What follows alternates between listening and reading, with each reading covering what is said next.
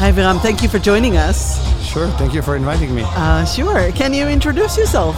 Yeah, sure. So my name is uh, Aviram Shmueli. I'm one of the founders of JIT. We are five founders. Um, we have raised uh, $38.5 million uh, about two and a half years ago from Insight Partners, Tiger Global, Boldstart, and uh, FXP and Tech Aviv. Um, I'm 45 years old, living in, uh, in Petah Tikva with my wife and three kids. Yeah. So, what do you do at JIT? So, except that I'm one of the founders, uh, I'm in charge, I'm the head of the, the research group. I'm in charge of selecting uh, and benchmarking the security control that we're using. Because, you know, uh, there are many security tools and actually no one knows which one is the best to use and which one is the, is the best fit. So we, we benchmark them and we decide which one to use for every security layer, and then we integrate them into, into our product. So this is what my team is in charge of.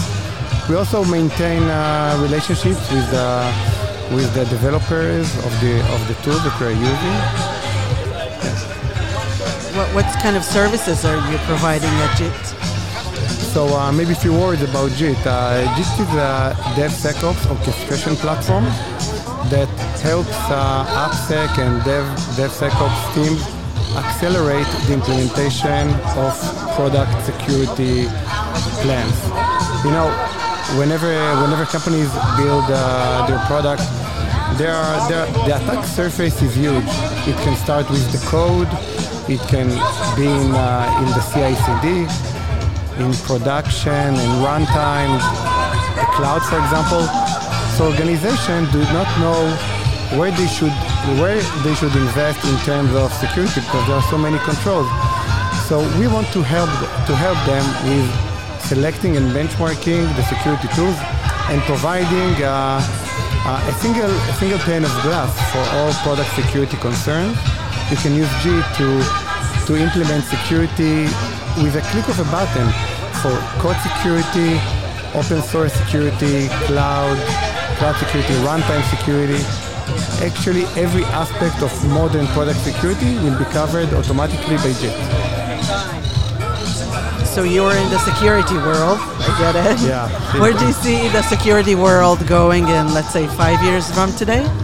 Yeah, so uh, I think uh, one important aspect to, to consider is that in order to implement security, we need to take into account the developers because security without getting the buy-in of develop- developers will not succeed. Many security tools are imposed on uh, the dev organization and, and they fail because if we want to implement security correctly, we need it to start with the code, with developers implementing it. And I think this will be the trend that uh, will go on for the next few years. And we actually operate in this uh, in this area when we try to embrace developers and provide them the right tool, the right mechanism to do uh, to develop the application with security in mind from the first step. What would you want companies to know when they're starting their journey? What's the one advice you can give them? I, I would advise to start with something with security. Uh, we call it uh, minimal viable security. You should start with something and do not neglect security. Don't do not consider security as an afterthought because uh, you will pay for that. You need to think of security from the first line of code. You do not need to bombard all the entire organization with security, but you need to take it in mind and decide what are the areas where you want to do some some amount of investment. I think you need to consider that uh, from the first line of code. How would you explain to a 10 year old your field? What is security? Ah, that's a tough question. Uh, it's always tough. Um, I would say I would try to, uh, you know, to make this 10 years old child imagine a house with doors and, and windows. And when you build this house, you need to make sure that the door is closed, the windows are closed. Some they can, they can also be locked, but at least you need to make sure that you have some protection. And uh, and I think security, in that sense, is, is very similar to doors and locks and, and windows that are the the first barrier uh, that protect uh, your house and uh, and your assets. Where how do you keep up with innovations and new trends that are happening? How do you follow that? Ah, that's a that's a great question. Actually, you need to do a, a lot of reading. You need to have relationships with uh, thought leaders, attend conferences like uh, like this Today. one. yeah, you know, uh, attend uh, meetups and, uh, and and events. Uh, luckily, we have uh, we have you know an office in uh, in Boston and Israel. In both of them, we, we try to, to attend conferences and uh, yeah, you know, be connected to, to the to the community. And by that, we try to you know to uh, keep our knowledge updated. And uh, again, this is part of what my team under the innovation uh, is doing. I think that also was, you know, uh, there are a lot of um, trends that now is related to ChatGPT, and I think that uh, a lot of innovation today can be associated with uh, ChatGPT and what companies can do with with AI. If JIT was a superhero, what would be your company's superpower? It would be able to protect all organizations, whatever size they have, whatever industry they operate in, and they will stop any exploitation whatsoever.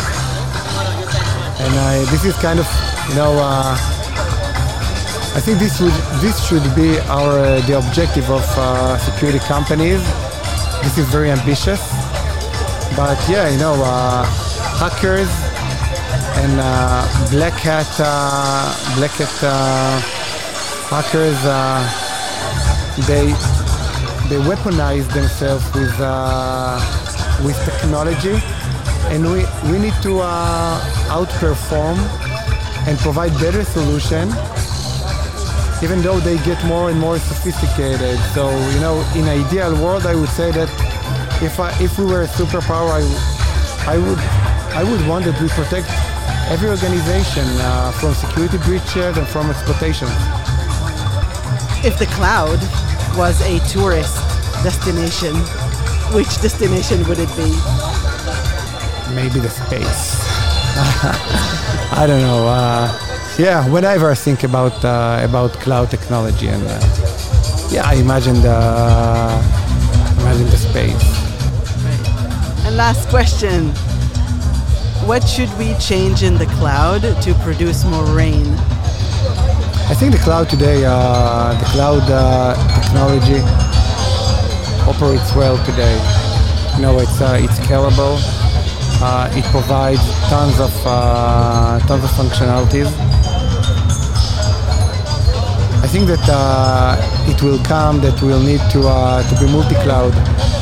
So uh, being multi-cloud, I know. I guess that providing something that can abstract or uh, provide a multi-cloud functionality in that term may be the rain because it will, it will provide more uh, more efficiency in management of uh, multi-cloud environments. Amazing. Thank you so much. Sure, my pleasure. Thank you for Thank you. me. Thank you for joining us.